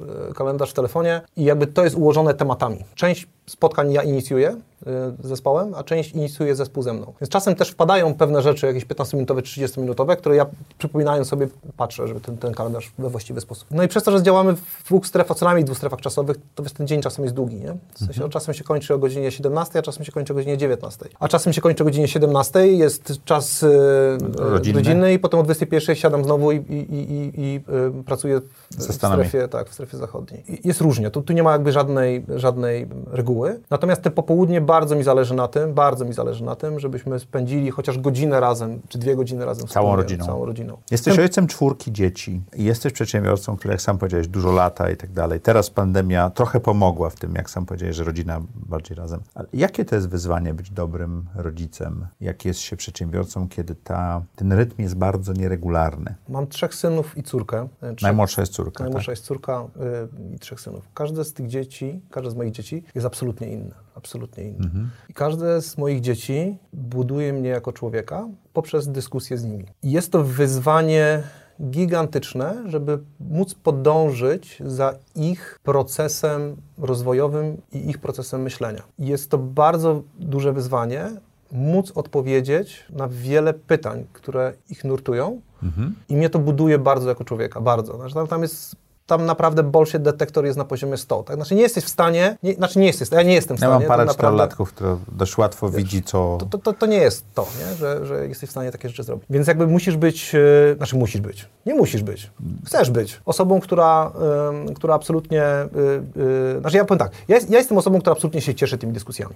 Nawet jestem, jak są dla Ciebie trudne? nawet jak są dla mnie tru- trudne i nawet jak muszę głębiej przemyśleć dane tematy. No bo zaczynamy jakiś określony temat, na przykład dyskusję, czy gramy codziennie. Wczorajsza dyskusja z biegania, tak? Czy, czy, czy może grać codziennie? Gry komputerowe. Gry komputerowe, tak? Chociaż po godzinkę wieczorem. I zaczyna się dyskusja. No i temat nie rozwiązał się w, popołudniowym, w popołudniowej sesji. E, był Dyskusja czy negocjacje? e,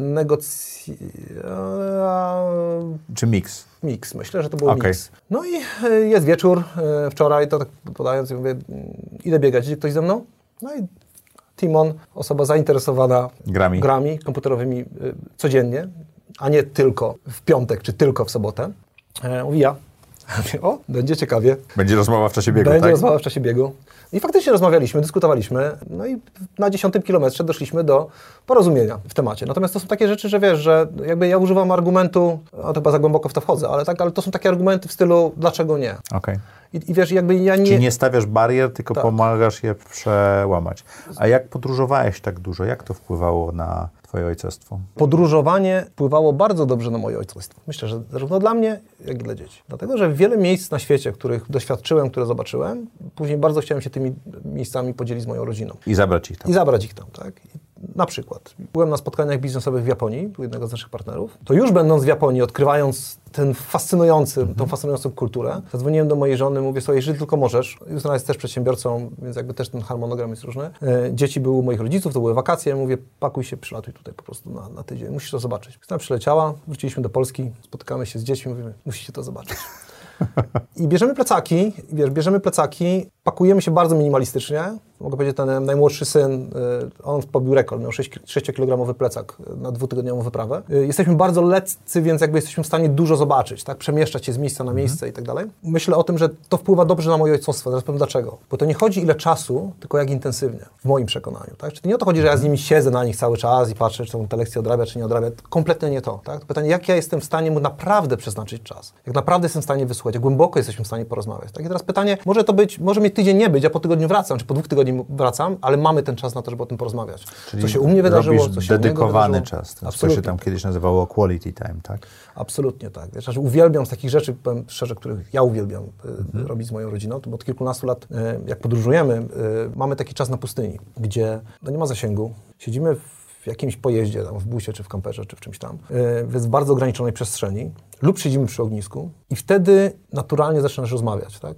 Znaczy nie to, że wcześniej nie możesz naturalnie rozmawiać, tylko jakby wtedy No nie ma, rozmowy nic, są o nie, wiele nie, głębsze. nie ma tak? nic innego do roboty. Tak? Tak, zaczynasz się cieszyć tą rozmową, wiesz, jakby takie, to jest, dla mnie to są zupełnie inne rzeczy. No i nawet zacząłem w tych miejscach, tak jak wcześniej mówiłem o tym głębokim spojrzeniu, czy definiowaniu, czym jest szczęście, czym jest radość, rozmawiać o tym z dziećmi. I to jest cudne też tak naprawdę, tak? I to jest bardzo trudne do zrobienia tutaj, tak? To jest bardzo trudne do zrobienia, wracasz pracy do domu, on odchodzi od komputera, swojego distance learningu i ty siadasz i mówisz, to, to czym jest dla ciebie szczęście? To, to nie to, nie? To po prostu potrzebujesz w to wejść, nie? Potrzebujesz trochę pobyć ze sobą. Tak jak z tym bieganiem, musisz, Tak.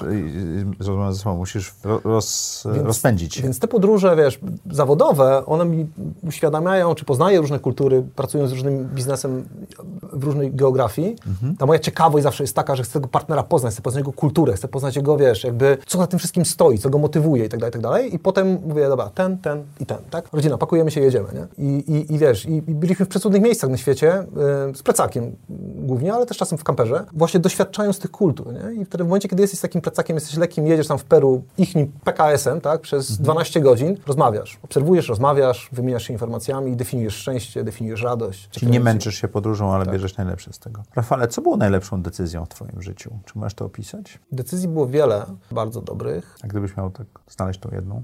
Wiesz, ja kiedyś podjąłem taką decyzję, że będę się cieszył pełnią siebie z różnych rzeczy. To nie jest, y, to, to jest pewna świadoma decyzja, tak? że nie interesują mnie obszary, które mogą nie sprawiać mi radości, czy mogę, nie będę się mógł rozwijać y, y, dalej, tak? czy ta ciekawość nie będzie pobudzana. Tak? To chyba najgorsza rzecz, której się boję, mimo że jakoś nie myślę o tym, że w kategorii lęku, ale jeżeli w którymś momencie przestałbym się rozwijać, tak? znaczy ta, ta ciekawość by się zaspokoiła i bym powiedział, dobra, wystarczy, tak? już więcej nie jestem ciekawy świata, nie jestem ciekawy ludzi, to chyba było naj, naj, naj, naj, najtrudniejsze. Natomiast to jest pewna decyzja, że, że, że, że, że mm, jakby jak chcę sobie zaspokajać dalej t- tę ciekawość, tak? Jakby te pieniądze, y, czy środki, które mam, czy czas, który przeznaczam, przeznaczam dokładnie w tą stronę, w, w stronę zaspokajania ciekawości, w stronę poznawczej takiej dalej. To mnie chyba najbardziej mm, kręci, a to, to, jest, to w pewnym sensie jest decyzja, tak? Że taką, taką decyzję podejmujesz. To nie, nie wiem, czy nie powtórzę pytania w pewnym sensie, ale co daje Ci najwięcej energii czy satysfakcji w życiu? Ludzie. Zdecydowanie ludzie, rozmowy z ludźmi, em, różne historie i to, że to, co robię, myślę, ma znaczenie. Mhm. To jakimi ludźmi się otaczasz? Twoje power five, te najważniejsze osoby wokół Ciebie, które wpływają na to, jak patrzysz na świat, myślisz to? Czyli tak, z jednej strony jest to rodzina y, i różne perspektywy, y, już mam piątkę. Czyli, To, to, to, Czyli- power five plus five, tak? Zróbmy dzisiaj. Czyli, czyli moja rodzina, bo tak z jednej strony dzieci dają ci tą niesamowitą, one są bardzo ciekawe świata, tak? I one tą ciekawość świata y, y, postrzegają w sposób taki, y, y, słowa niewinny, ale wiesz co powiedzieć, taki czysty. Nie, nie, zafi- nie, nie sfiltrowany Tak, innymi dokładnie. doświadczeniami, tak? Więc to jest jakby jedna rzecz. Z drugiej strony Justyna, która jest, y, jest przedsiębiorcą i jest bardzo twardo stąpająca po ziemi, mimo że jest duszą artystyczną, to to jest piękny tak naprawdę balans pomiędzy jakby tymi dyskusjami z dziećmi i dyskusją y, y, z żoną, bo myślę, że ja bym chyba nieźle odleciał tak naprawdę, jakbym nie był z Justyną. I to, i to jest jakby jeden, to, to, to pierwsze przybliżenie. W drugim przybliżeniu mamy y, mojego brata, który jest bardzo dobrym człowiekiem i, i jakby postrzega świat e, i dostrzega rzeczy bardzo dobre, żeby pomagać ludziom. Rozmowy z nim dużo mi dają, dają mi dużo energii takiej, e, takiego, takiej bezinteresownej pomocy. Dalej kolejna rzecz to są inni przedsiębiorcy, którzy przeżyli, a może nawet niekoniecznie to, są, to muszą być przedsiębiorcy, tak? ale ludzie, którzy, którzy wykonują rzeczy, które ich kręcą. Mówiłem Ci wcześniej o starych pojazdach, o Lambretcie. Ja, ja jeździłem z moją żoną na zloty Lambretty. To, to, jest, to są takie pojazdy dla 50., 60. I jakby to było tyle fajne, że to pozwalało mi wyjść z bańki technologicznej, tak? Czy, czy, czy, bo tam poznawałem ludzi różnych, tak? Naprawdę różnych, tak? Bo łączyła ich pasja do podróży na tym pojeździe, prostym, ultra prostym, a z drugiej strony miałeś tą szansę pogadać, czy miałeś ten pierwszy punkt zaczepny, tak? Jakby, dobra, o fajny masz skuter, tak? Ale co robisz? A to i to. Nie? Miałeś szansę poznać tych bardzo ciekawych ludzi. Skuter był takim otwieraczem. Takim był takim otwieraczem. Zamykali cię w jednej przestrzeni tysiąc tam skuterów, powiedzmy, nie? w jakiejś tam, nie wiem, Francji, czy, czy Włoszech, czy gdziekolwiek tam jeździliśmy. E, I skupiało to ludzi z całej Europy. Od tych ludzi uwielbiałem czerpać energię. Nie od wszystkich oczywiście, nie? bo to, to różnie, ludzi, ró, ludzie są różni. Na eventach e, mam też taką zasadę, którą no, też przedstawiłem moim dzieciom, bardzo im się to spodobało i, i, i mojemu bratu, jak gdzieś ze mną byli na, na, różnych eventach, czyli że spotykamy na networkingu wieczorem, wieczorem, no, na networkingu, no nieważne czy wieczorem, czy nie wieczorem, poznaję pięć osób interesujących. Nie więcej, nie mniej. Nie, nie, pięć, co najmniej pięć. Co najmniej pięć. Czyli jakby przymuszasz siebie tu w A, żeby- tej kulturze, że- okej. żeby porozmawiać z nieznaną ci osobą i dowiedzieć się coś ciekawego. I że to jest coś ciekawego, ciekawego, to masz jeden, tak? Jeżeli to jest nic ciekawego, to masz zero dalej, nie? Czyli jakby szukasz A, tej ciekawości. Czyli nie, nie pięć osób w ogóle, tylko pięć interesujących. Pięć interesujących. Bo ludzie generalnie są interesujący, bardzo Mhm. interesujące są. I te historie ludzkie są bardzo interesujące. I, to mi, i wiesz, pytasz mnie, to to mi daje tę siłę. To właśnie to, że y, te rozmowy z tymi ludźmi, te ich pasje tych ludzi, jakby one tak jakby są dla mnie takim, wiesz, takim, one, one, one mnie też nakręcają, nie? No. Rafale, czy mógłbyś przestać coś robić, co dałoby ci więcej energii albo spowodowało twój rozwój? Czyli mówisz, czy jestem w stanie wyeliminować coś, co wiem, że ta eliminacja spowodowałaby większy rozwój w innym obszarze, tak? Wiesz co, to myślę, że to jest, jak pracuję cały czas nad ograniczaniem rzeczy materialnych wokoło siebie. I to jest proces. Tak jakby myślę, że jestem bardzo daleko jeszcze od tego. Jesteś minimalistą? Chciałbym być. Okej. E, Myślę, że te rzeczy przeszkadzają mi. Oczywiście dla niektórych ludzi pewnie jestem minimalistą, dla niektórych ludzi pewnie jestem jeszcze bardzo daleko od minimalizmu. Natomiast dla mnie to jest droga. Tak? To jest droga, odkrywanie, które rzeczy tak naprawdę potrzebuję, e, a których rzeczy nie potrzebuję, tak? które tak naprawdę są totalnie zbędne, są jakimś atrybutem, który do niczego nie jest potrzebny tak naprawdę. A, I dodałbym to do listy korzyści pandemicznych czy lockdownowych, Że dużo rzeczy zniknęło? że dużo rzeczy zniknęło i nie poja- przestały się pojawiać nowe rzeczy. I wiesz, że to jest trudne, mówiąc, i, i, sam się teraz z tego śmieję, bo ja mam kilkanaście skuterów, czy może nawet kilkadziesiąt skuterów i, i, i kilkanaście samochodów. Czyli mini- minimalizm, ale w pewnych obszarach niekoniecznie, tak? I w kilkunaście samochodów, natomiast wiesz, Gdzie jakby... ty je trzymasz? A, w mechaników głównie. Okej. Znaczy, do czego zmierzam? Są to pojazdy kolekcjonerskie, ale też jeżdżę takimi pojazdami, są to pojazdy kolekcjonerskie i jakby uczę się, no wiesz, w momencie, kiedy masz pojazd, tam nie wiem, z 67 roku, Który ma prosty gaźnik? tak, który, który po prostu jest ultra banalnym pojazdem, czy, czy tam z 50 któregoś roku i masz włączanie świateł, wyłączanie świateł i w najlepszym wypadku włączenie wycieraczek i prędkościomierz, jakby nagle zaczynasz dostrzegać że pytanie, czy to wszystko inne jest, a wiesz, jak ja tam latam do Stanów, to pożyczamy samochody, żeby się przemieszczać z punktu A do punktu B. I tam nagle masz nagle masz cockpit. wszystko i nie potrafisz sobie poradzić jakby z tym, nie? W sensie, znaczy nie potrafisz sobie poradzić. No potrafisz sobie poradzić, tylko pytanie, po co to jest wszystko? Po co to się świeci na taki kolor, a to na taki, a to na taki, nie? Jakby, wiesz, ta, ta jedynka teraz, ona pozwala mi dostrzegać też świat Może wokoło, wytłumacz, bo nie tak? wszyscy będą wiedzieć, co to jest to jedynka. A, jak, a jak to wytłumaczyć? Volkswagen, nie? Tak, to jest Volkswagen T1, y, Taki tak zwany hip- hippie, hippie, e, hippie z podzieloną przednią szybą. To co, co daje ci ta, ta jedynka? Ta prostota tego pojazdu daje mi to, że jestem w stanie skupić się na innych rzeczach. Okej. Pytałem o to, co możesz przestać robić, ale może w pewnym O. sensie odpowiedziałeś na to pytanie o prostotę, tak? Tak, znaczy to, co mógłbym przestać robić, albo być lepszym jeszcze, żeby w, w, w tą drogą podążać, co na pewno skorzystałbym w innych obszarach, to jest yy, otaczać się mniejszą ilością przedmiotów. Okej. Wiesz, nie, nie wiem, czy, czy, czy y, wspierasz projekty na Kickstarterze, czy tam na innych platformach crowdfundingowych, a, ale to są takie rzeczy, które niestety te przedmioty się tam pojawiają stamtąd, nie? No bo wchodzisz, y, uwielbiamy z, z synami, szczególnie z Tak, jednym, ale bardzo przeglądać po prostu Kickstartera, Indiegogo, bo y, to jest niesamowite, jak oglądasz te, te, te materiały wideo. Jakie pomysły Jakie ludzie ludzie mają. mają pomysły, jak o tym opowiadają, jak to dla nich jest ważne i tak dalej. I mówisz, chcę wesprzeć tę ideę. Ale potem to przychodzi za pół roku, tak? I masz ten przedmiot. E, A chciałeś wesprzeć ideę? a chciałeś wesprzeć ideę, nie? I jakby część przedmiotów oczywiście jest natomiast wiesz, no to jednak y, y, trzeba wyważyć, tak? I jakby mi się wydaje, że tu mógłbym być lepszy w tym wyważeniu, tak? Okej. Mnie ostatnio zafascynowała tacka e, taka do, na kanapę, do pilota, czegoś do jedzenia z żyroskopem na szklankę. O wow. Ale na szczęście się powstrzymałem. Na, ideę mogę wesprzeć, ale wiem, że jak przyjdzie, to będzie po prostu jeszcze kolejnym e, przedmiotem. Rafale, jaką masz supermoc? Wiele supermocy mam. Wiesz co? Myślę, jaką że masz jedną najważniejszą myślę, supermoc, tak jak Superman? dobra e, energia, optymistyczna dobra energia, którą jestem w stanie zarazić innych. To jest naprawdę duża supermoc. Co chciałbyś robić za trzy lata? Jestem bardzo zadowolony z tego, co robię dzisiaj. Chciałbym kontynuować rozwój w tych obszarach, w których, w których, w których jestem. Czyli bycia jeszcze lepszym ojcem, bycia jeszcze lepszym mężem, bycia jeszcze lepszym e, liderem dla tej grupy ludzi, Przedsiębiorcą? przedsiębiorcą. Okej. Rafale, co chciałbyś, żeby słuchacze i widzowie audycji Zaprojektuj swoje życie zapamiętali z tej rozmowy? Chciałbym, żeby zapamiętali y, to, chociaż spróbowali definiować podstawowe swoje wartości, takie jak szczęście, jak radość, cyklicznie i przeznaczyli na to więcej czasu.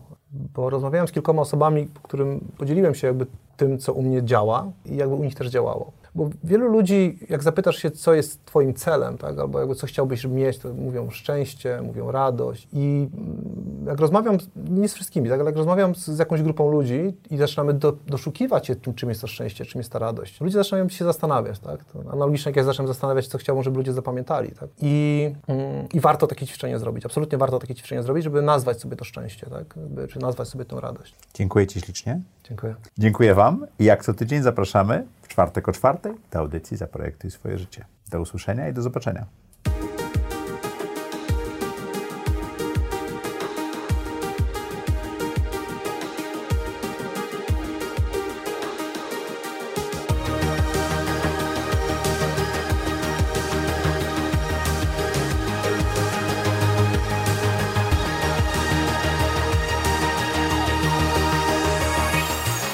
Zaprojektuj swoje życie.